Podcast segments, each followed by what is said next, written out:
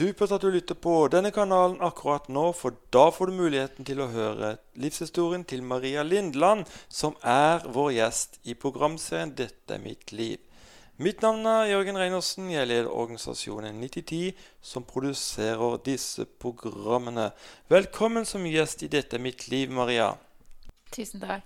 Du er en livsglad kvinne på 30 år, men livet har ikke alltid vært slik. Det skal vi komme tilbake til etter hvert, men kan ikke du fortelle lytterne hvor du er født og oppvokst? Ja, eh, jeg er født og oppvokst i Bergen. Ja, og kan du si litt eh, mer om hvor du, din barndom og Ja, jeg eh, har vokst opp i en kirke som heter Førlev Nord, da, som nå heter Kredokirken. Vokste opp på Bønes, som det er der kirken ligger.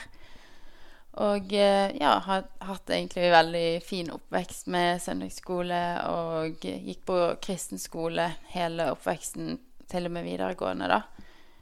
Og eh, ja, når jeg var sånn i, i tenårene, så tok jeg imot Jesus da jeg var sånn 13 år og opplevde han Samtidig som at eh, livet ble litt tøft, syns jeg, da.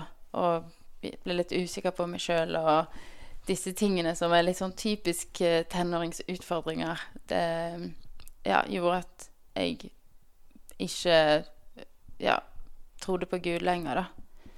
Så jeg begynte å Var jo veldig usikker på meg sjøl og begynte, fikk litt spiseforstyrrelser. Samtidig som at jeg eh, ja, ville drikke og røyke og prøve liksom livet litt sånn utenfor kirken, da, kan man si. Mm. Dine foreldre er Tanja og Olav Rønhovde, som selv har vært gjester i denne programserien. De er jo nå pastorpar i Kredokirken her i Bergen. Hvordan var det å vokse opp med foreldre som var så tydelige kristne? Altså, eh, De var jo ikke det når jeg Pappa ble jo pastor da jeg var 16. Så før det så var de ja, var ikke på en måte så profilerte, kanskje. Så jeg tenkte ikke så mye over det egentlig før selvfølgelig inne i 2006, når pappa ble pastor. Og da var jo jeg 16 år og skulle da eh, begynne på videregående. Og jeg eh, hadde min sånn livskrise samtidig. Så var jo denne kirken veldig kjent i Bergen, så det var i alle aviser. Alt dette som skjedde, og, og eh, pappa sitt navn. Så selvfølgelig, akkurat det var jo litt sånn Jeg følte at eh, jeg ble litt eksponert i forhold til hvor jeg var sjøl, og at jeg ble stemplet med en gang som pastordatter, da. Mm. Kan du fortelle litt om hvordan eh, skolegangen gikk? Jeg eh, begynte, fant egentlig mine venner og begynte å feste og sånn, og løy for mamma og de, så de visste jo ingenting om det, da. Og gikk jo på noen møter noen ganger, litt sånn ungdomsmøter og sånn, men eh, det var, no, det var mest for å være med venner. Så i denne tiden, og når jeg da var ferdig på videregående, så ville jeg bare vekk. For da var jeg så lei av å ha, ha denne historien om kristen og gå på Lev Nord, fordi den skolen var såpass kjent av menigheten i Bergen. Så når jeg da begynte på folkeskole, så var jeg veldig klar for å legge det bak meg. Så da bestemte jeg meg for at ingen skulle få vite om min fortid eller hva pappa har jobbet med. Så det ble liksom en ny start for meg. Så alle de nye vennene jeg fikk, visste absolutt ingenting om min historie da, eller hva pappa jobbet med. Mm. Var det litt spesielt å skulle skjule det, følte du? eller? Ja, det var jo det. Selvfølgelig. Sant. Men uh, det var jo et sånt slags forsvar fordi jeg ville jo heller ikke bli konfrontert med om jeg var kristen, for det er et typisk spørsmål man får da. Og fordi jeg hadde vendt ryggen til Gud, så hatet jeg å bare prate om Gud i det hele tatt. Jeg ville ikke få det spørsmålet rettet mot meg sjøl, så det var jo en slags ja, sånn forsvarsposisjon for å verne meg sjøl fra det, da.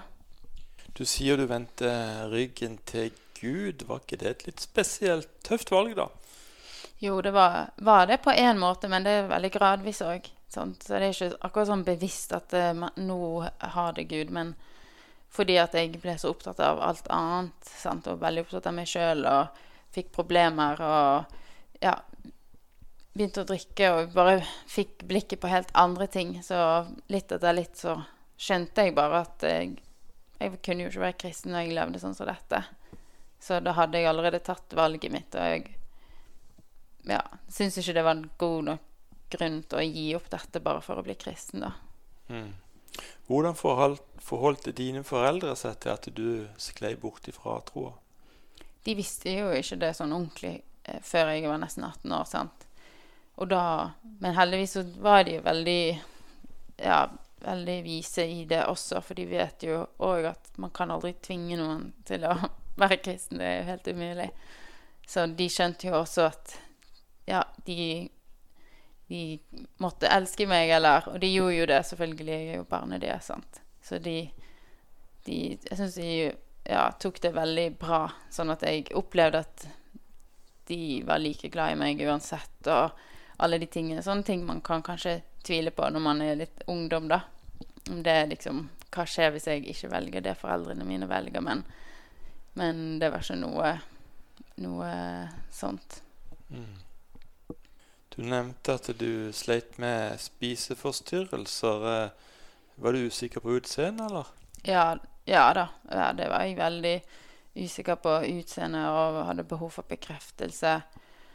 Ja, så det var jo noe jeg sleit med lenge.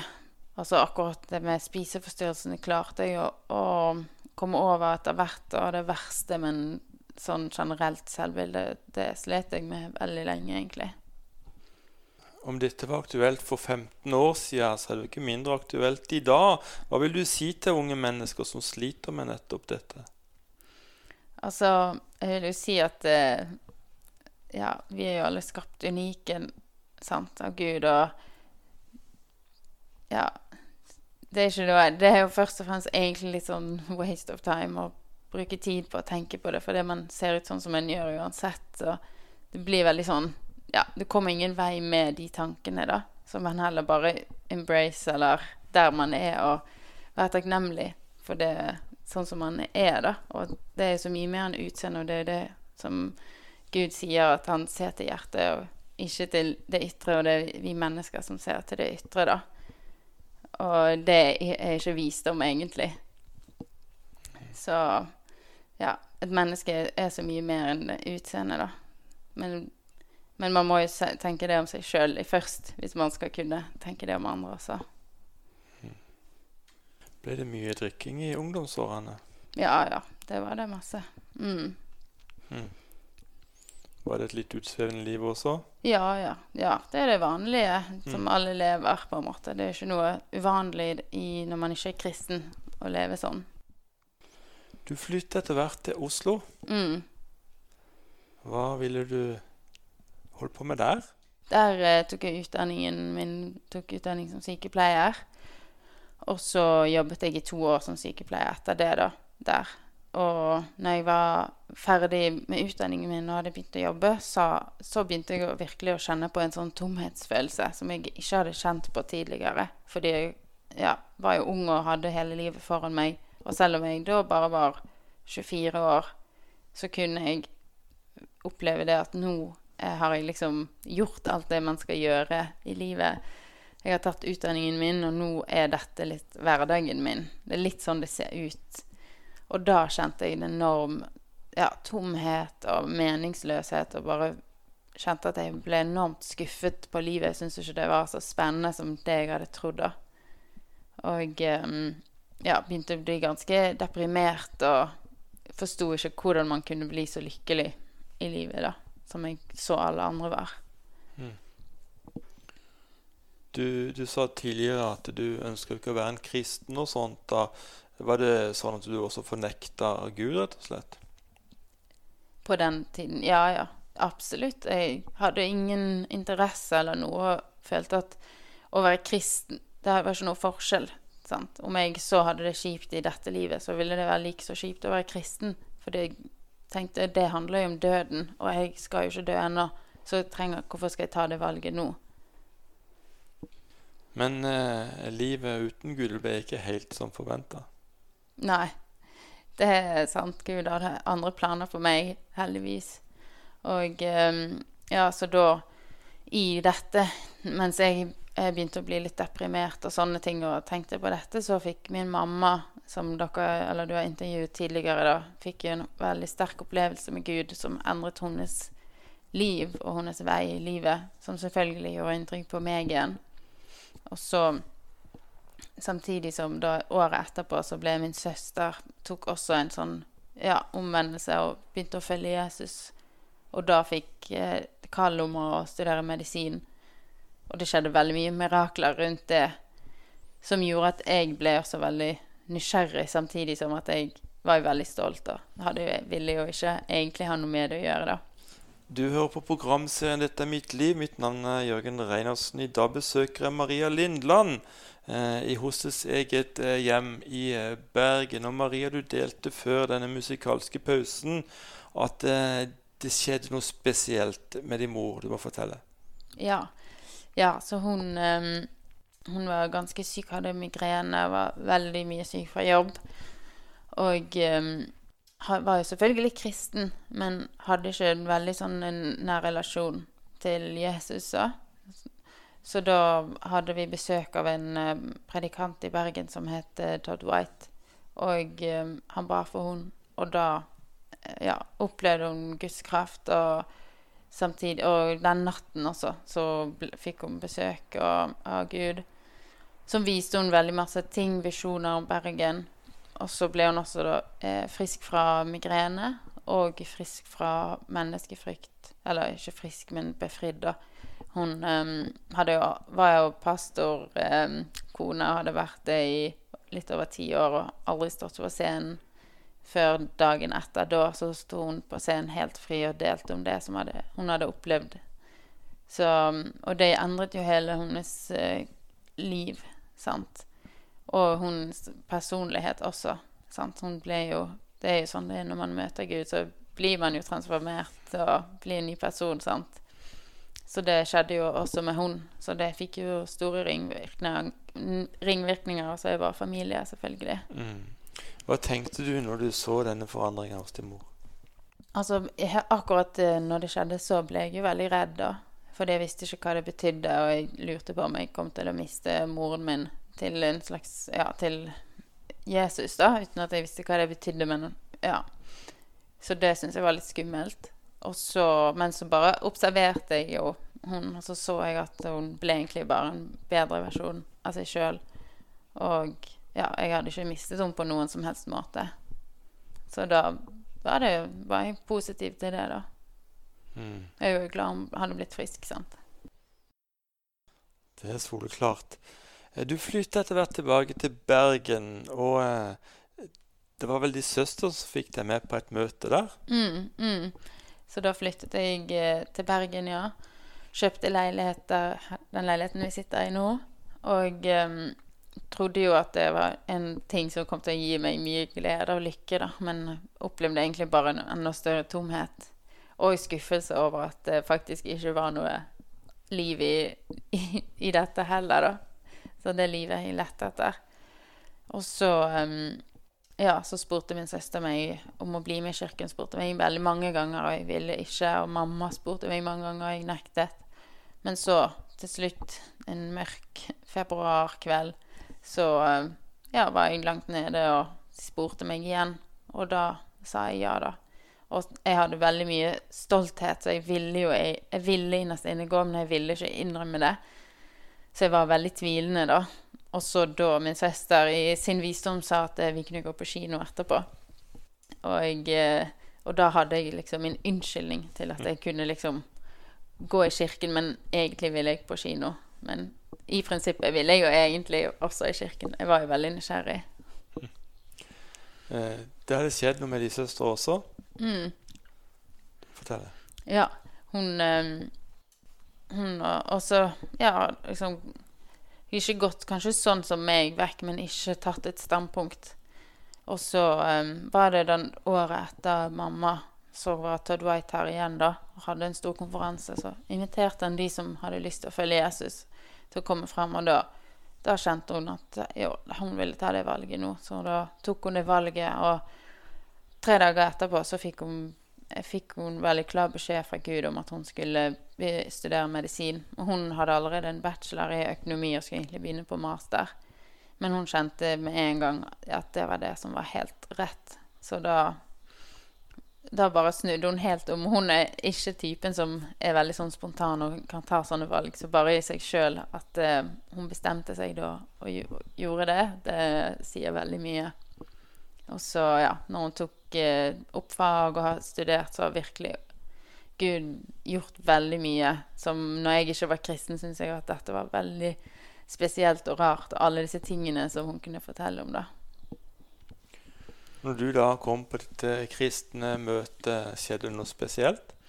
Ja, så først eh, når jeg var med hun, så opplevde jeg jo bare at jeg hadde enormt mye fordommer da, mot kristne og mot kirken, som ble på en måte strippet vekk umiddelbart. Og opplevde at det var veldig godt å være der, og var gode folk, og ja, de var jo interessert i meg. Og, så det var en veldig positiv opplevelse. Og så var det da uken etterpå, så hele den uken så kjente jeg en enorm trang til å dra tilbake til kirken. Men da skulle ikke min søster og jeg skulle få besøk av en venninne som ikke var kristen. Men jeg klarte ikke å, å liksom få vekk den følelsen av at jeg, er nødt til å gå denne, denne søndagen. Jeg kan ikke gå glipp av denne søndagen. Var sånn jeg opplevde det. Så, så etter meg og hun hadde vært på byen på lørdag og dro på vei hjem fra byen, så, så spurte jeg henne om vi kunne dra i kirken dagen etterpå. Og hun sa ja til det. Så vi dro til kirken på søndagen. Og på slutten av det møtet, så når alle hadde lukket øynene, og, og han pastoren ville at eh, de som ville kunne ta imot Jesus, da, så plutselig avbryter han seg sjøl og, og sier liksom at nei, vent litt, eh, jeg må bare si noe, og jeg er nødt til å være lydig når jeg hører disse tingene. Så sa han liksom ja, det er en jente her i dag, og du er så og så gammel, og du har vært veldig lenge vekke fra Gud, og nå er det på tide å komme tilbake. Så ja, når han sa bare med en gang han sa 'vent litt', så akkurat som jeg visste sånn Nå kommer han til å snakke til meg. Og eh, ja, når han sa disse tingene, så kjente jeg ja, enorm varme, og, og at jeg begynte å gråte. Og jeg gråt aldri på den tiden, så for meg var det òg veldig sånn Ja, jeg ble veldig satt ut også da hva som skjer. Hva skjer nå, liksom? Men fordi alle hadde øynene lukket, så kunne jeg bare få det øyeblikket for meg sjøl, og så latet jeg som ingenting etterpå da, til hun venninnen min. Jeg visste ikke hva jeg skulle gjøre. Men eh, ja, så når vi gikk ut, så spurte jeg henne med en gang, for jeg klarte ikke å tenke på noe annet. Så da spurte jeg henne om hun hadde hørt det han sa, at jeg virkelig opplevde at han hadde snakket til meg. Og da sa hun at ja, hun hadde hørt det, og hun hadde tenkt at han snakket til meg. Så det ble for meg en bekreftelse da, på at uh, dette var til meg, og at jeg måtte Jeg sto på en måte med et veiskille nå, og var nødt til å ta et valg. Og det gjorde du. Ja, så da tok jeg jo det valget om å følge Gud, for jeg visste at det var det som var sant. Så jeg, på en måte hadde ikke jeg noe valg. Jeg kunne jo velge å fortsette å leve sånn som jeg hadde gjort, men jeg skjønte også hvor det ville ende. Sant? Og ehm, ja, så jeg skjønte det. Jeg, det er Gud som er Dette er sant. Og nå har jeg levd og vært ulydig og veldig lenge, så nå er det på tide å, å følge hans vilje. Så, men jeg visste at jeg hadde ikke bare lyst til å bli kjent Jeg hadde ikke lyst til å bare finne ut hva alle andre trodde på, men jeg hadde lyst til å bli kjent med Gud sjøl og finne ut hva Ja, hvorfor er det sånn? Eller hvorfor mener kristne sånn? For de har jo mange meninger som er annerledes enn det som resten av verden mener. Jeg hadde ikke bare lyst til å ta imot det, jeg ville òg forstå, sånn at jeg òg kunne gi det videre, fordi jeg hadde heller ingen kristne venner på den tiden. Så jeg visste jo at jeg måtte med en gang stå opp for dette, og da hadde jeg lyst til å ha litt svar, da. Mm. Ble det sånn eh, fra mørke til lys-opplevelse, nesten?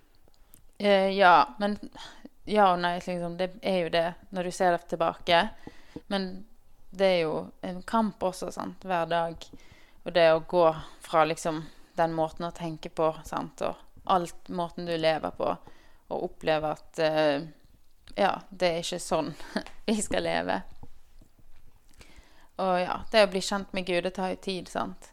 Og midt i mens jeg jobbet 100 og hadde mine vanlige gamle venner og alt, og, og da opplever jeg egentlig at jeg forandrer meg, men kanskje ikke var tøff nok til å alltid stå opp og Ja, så det er klart at det er en tøff, periode, samtidig som det er veldig spennende og gøy. Så for meg Jeg kjente jo veldig sterkt at jeg hadde behov for å komme meg litt vekk og bare få lov å fokusere på Gud, bli kjent med Han. Så da eh, dro jeg på en bibelskole i Afrika da, til en som heter Heidi Baker. Som jeg var der i to måneder. Så det var virkelig det som endret hele livet mitt. Det var den tiden der, for da fikk jeg pause fra all, all påvirkning utenfra og kunne kun fokusere på Jesus, bli kjent med han, få god undervisning. Og så da bli plassert tilbake i, i mitt normale liv. Det var noe helt annet.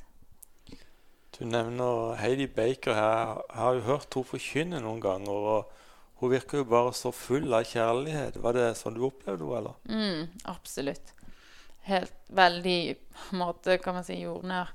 Selv om hun og, står oppi så masse og får jo mye oppmerksomhet òg når hun er ute og forkynner. Men hun er bare Ja, hun bare elsker Jesus og kjenner han, og hun liksom sitter seg med de fattige og sitter og prater med dem. Det er jo det hun elsker. Eller så gikk hun rundt og delte ut kokosnøtter til oss elevene, eller kjøpte sjokolade til oss. Og, ja, så hun er en utrolig kul dame, da. Er det noen spesielle opplevelser du har lyst til å fortelle om som skjedde nede i Mosambik? Um, altså, det var jo noe som var veldig spesielt, var jo at der er det, er det mye terror. Kristne som blir forfulgt. Så, og det er et muslimsk land, da. Så når vi um, var der nede etter to uker, så fikk vi beskjed om at vi måtte forlate landet. Fordi det var så mange kristne som ble halshugget. Så det var en sånn jakt som pågikk der når vi var der. Så allerede 2000 kristne hadde blitt drept da. Så da måtte vi dra til eh, Sør-Afrika. Så det syns jeg var veldig det gjorde veldig inntrykk på meg, som da hadde kommet fra Norge, hvor det absolutt ikke er noe som helst forfølgelse for troen utenom skam, da. Eller mer at man blir tiet i, mer sosialt, kanskje, da. Mens her var det om liv og død, og jeg hadde møtt folk som hadde mistet mannen sin, og venner allerede i, som hadde blitt drept. Så det gjorde en enormt inntrykk på meg. Mm. Var det sånn at de kristne da i Mosambik var mer overgitt enn det du opplever i Norge? Jeg vil jo eh, tro at det er det, fordi de får jo mer liv og død. Virkelig. sant? De har ikke tid å sovne, kan man si. Sant? Så her i Norge så er vi veldig komfortabelt, og det, det er veldig lett for å, å falle inn i den komfortable kristenlivet, da hvor man egentlig bare lever for seg sjøl, kanskje. Så det Ja, at når jeg på en måte ble litt sånn oppdratt, kan man si, hermetegn, der borte, da, blant de, og de andre som var der, elevene var jo også veldig radikale kristne, så var jo det på en måte den Det, det som jeg ble vokst opp i og um, kom tilbake med, da, kan man si. Ja, hva gjorde du når du kom tilbake til Bergen? Da gikk jeg ned i 80% stilling i syke, som sykepleier for å kunne både ha mer tid til Gud i hverdagen. For jeg vet hvor fort tiden går, og hverdagen blir spist opp av jobb. Og, eh, og så opplevde jeg at Gud også kalte meg til å begynne å tjene i kirken. da. Så da gikk jeg inn i, i Kredo-kirken, som ble med først som sånn Life-gruppeleder for noen ungdommer, og så ble jeg også med i ungdomsarbeidet som leder. da. Og det syns jeg var fantastisk, fordi jeg mistet jo sjøl troen i den tiden. Så det var for meg veldig fint å kunne få lov å komme der og gi noe. Og kanskje være et lys eller hjelpe de ungdommene som er der imellom. Og kunne dra de inn og vise de faktisk det er dette som er livet. Og jeg har virkelig prøvd. Jeg har prøvd det, og det funker ikke, det andre. Det er dette her som er livet. Mm. Snakker med erfaring. Mm. Mm. Eh, det er jo dessverre en kjensgjerning at det er en del unge og ungdom som eh, forlater troen når de kommer i den alderen. Da, eh, hva kan menighetene gjøre for å snu den utviklinga? Personlig så tror jeg at det går veldig mye på, også på hjemmene, da. At man ikke bare kan skylde på menighetene, men at, at alle foreldre og alle må også ta den oppdragelsen av barna i Guds ord personlig, og ikke tenke at det er en gang i uken man skal høre om Gud, men det er hver eneste dag. Og ikke bare høre, men også gjøre, så barna blir lært opp tidlig og be, og be for syke, eller ja, høre Gud og lese Bibelen og forstå og få åpenbaring. At man trener barna i det, tror jeg. Fordi det handler ikke om at det er kjedelig å være kristen, men, er, men religion er kjedelig. Så hvis du bare hører om, om Gud en time på søndagene, så forstår jeg veldig godt at det ikke er så veldig interessant. Og hva er egentlig forskjellen? Hva er det viktigste budskapet du har til unge mennesker i dag? Det, det viktigste er at det er Jesus som er livet. Altså, det er så enkelt. Og han er veien, sannheten og livet. Og, og som ung så vil man ha det kjekt, og man har lyst til å leve. og ja, men det er der vi finner det, alt de søker etter. Og alt det andre man tror man finner Det du, som frister, og som man tror er kjekt, det gir egentlig bare Det blir sånn negativt. Så det gir ingenting liv. Det blir bare tomhet. Og så må du fylle på med mer for å fylle Dekke de tomme rommene som det gir igjen. Så er det en sånn ond sirkel. Så det er bare sånn Jesus er alt. Og det er bare sånn det er, da. Du hører på programserien 'Dette er mitt liv'. Mitt navn er Jørgen Reinersen. I dag er jeg tatt turen til Bergen og møter Maria Lindland. Og Maria, du har nylig blitt gift. Du må fortelle om aller første møte med din kjære. Ja. Yes. Så um, det første møtet vårt var faktisk i Amsterdam. I, eller ikke Amsterdam, men i Nederland i hvert fall. Og det var i um, Ja, for uh, er det ett og et halvt år siden? Ja, vi har ikke, vært, eh, vi har ikke kjent hverandre så lenge. Og eh, det var da at eh, Heidi Baker skulle ha en konferanse der nede. Og så ble jeg invitert med, da, fordi, siden jeg har gått der. Og så var det mange av de som går på en sånn skole som heter Impact School of Revival i Bergen, da. Som skulle dit, da. Og han Matt King, han skulle tale der. Så da ble alle de som jobbet der, med, og da var Lars, mannen min, også med på det teamet. Men han var helt ny i Bergen, hadde akkurat vært et år i Malaysia som misjonær da. Så da møttes vi i, i Nederland på den konferansen og ble litt kjent der. Og så når vi da skulle hjem, reise hjem, så var det plutselig bare meg og han som hadde samme flyrute hjem. Så vi Og jeg eh, var veldig sliten etter denne langhelgen, så jeg var ikke så interessert i å smalltake med, med en jeg ikke kjente. Så jeg brukte lang tid på å komme til gaten, for jeg visste at han var der òg, da. Men, um, men, så ble det masse delays, så da ble jeg tvunget til å snakke med han uansett. Som egentlig var jo bra, selvfølgelig, for det, så da ble vi veldig godt kjent og fant ut vi hadde en veldig, veldig god kjemi. Så vi ble på en måte veldig gode venner fra første stund vi møttes og hadde enormt mye til felles. Og akkurat som vi hadde kjent hverandre veldig lenge, da. Så var det masse delays gjennom hele, hele den flyturen som vi sjøl opplevde kanskje var Gud som liksom arrangerte oss litt sammen, da. Og så, ja, så da ble han med i ungdomsarbeidet etter dette. Så ble vi venner. Og, men så skjedde ikke det noe før det gikk et halvt år. Og da også opplevde vi kanskje at det var Gud som ja, pushet oss litt da, til å ta det neste steget. Så vi, um, vi, skulle på en sånn samling sammen, og så plutselig avlyste alle da, utenom eh, oss. Så da fikk vi tid alene der, og så, ja, så tok det ikke lang tid før vi ble kjærester. Og så visste vi at eh, vi ville gifte oss. Vi visste det med en gang. Så etter vi ble kjærester, så tok det bare seks måneder, så ble vi gift. Ja, cool. Mm. Du er sykepleier på velrenommerte Haugeland sykehus. Får du anledning til å være et vitne der? Ja, veldig masse. Det er jo ja, både med kollegaer og med, med pasienter. Og, ja, så det er bare helt fantastisk. Jeg har opplevd både å ha hatt eh, kristne pasienter som jeg visste ikke var kristne, men har bedt for dem, og så har de etterpå spurt meg om, de, om jeg ba for dem fordi de kjente kraft. Og så ja, 'Å ja, du er kristen. Ok, ja, ja jeg bare for deg, ja. mm. Mm. Kan du nevne noen konkrete eksempler? Eh, ja, jeg hadde eh, f.eks. en kollega da, som jeg hadde en eh, drøm om en natt. Jeg drømte at hun kom til meg og sa at eh, 'Maria, jeg, jeg har hørt at du ber for syke, og jeg har vondt i det venstre kneet mitt. Kan du be for meg?' Så når jeg våknet opp, så, så tenkte jeg at jeg skulle spørre hun om det var sant. Så da gikk jeg til hun og spurte om hun hadde vondt i det venstre kneet. Så hun ja, kjempe. Så sa jeg, fortalte jeg at jeg hadde hatt en drøm hvor hun fortalte meg dette. Og om jeg kunne be for henne da, så, så det ville hun gjerne. Så da fikk jeg be for henne, og, så ble hun helbredet. Fantastisk. Hva gjør Maria Lindland om ti år?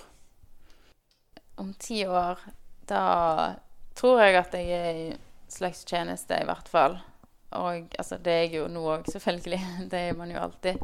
Men at jeg ja, er mer i fulltidstjeneste og har familie. Meg og mannen min gjør det sammen, da. Men akkurat eh, hvordan det ser ut, det vet jeg ikke. Og jeg vil heller ikke legge meg for mye opp i det. For jeg vet at eh, ja, vi vil bare følge Guds plan, da. Mm.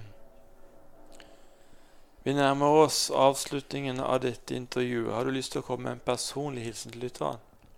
Mm.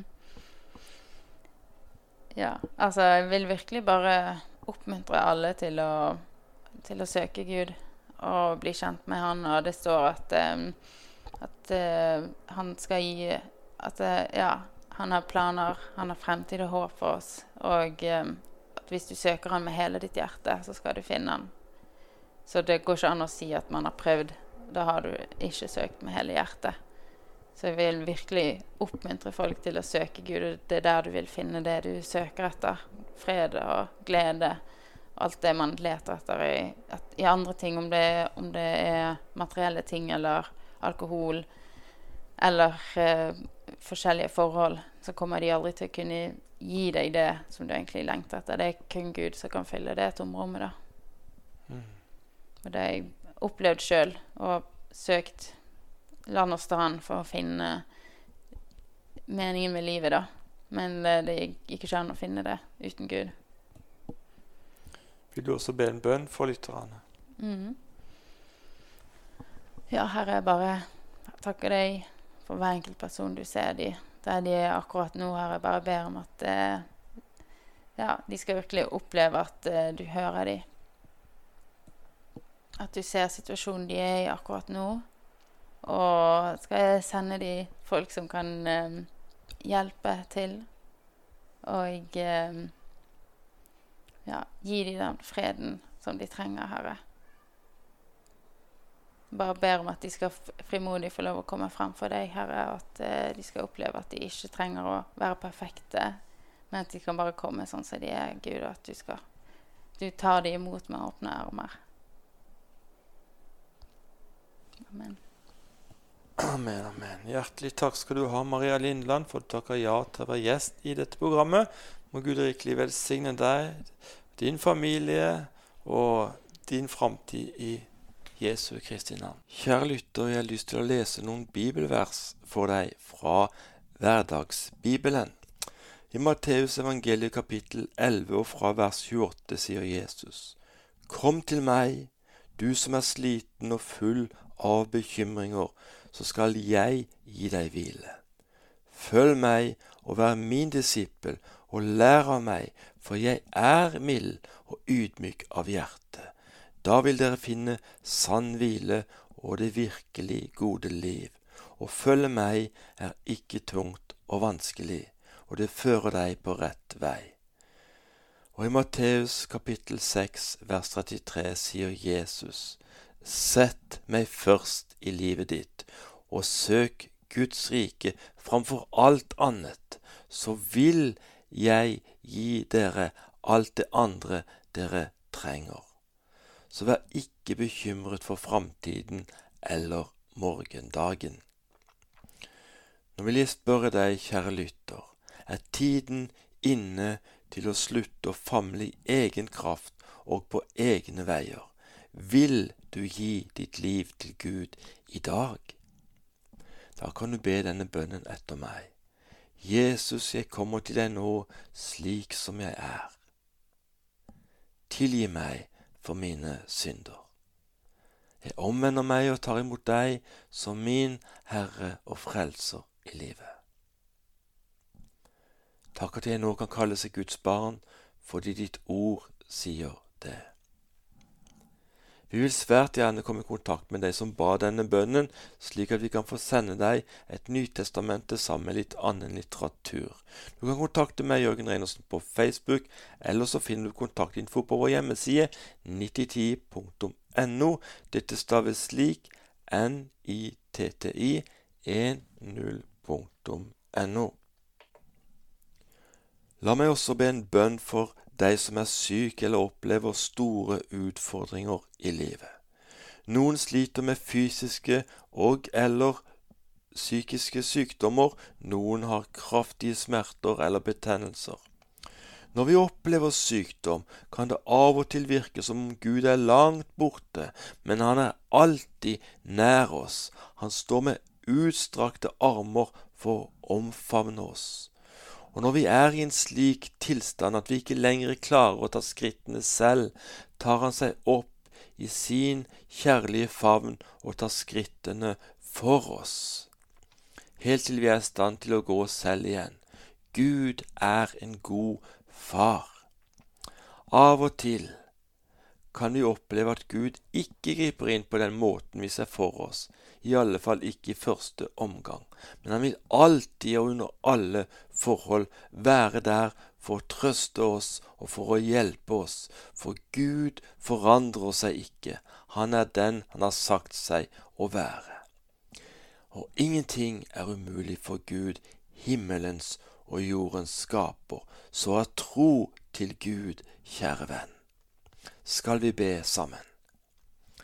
Kjære himmelske Far, nå kommer vi til deg i Jesu navn.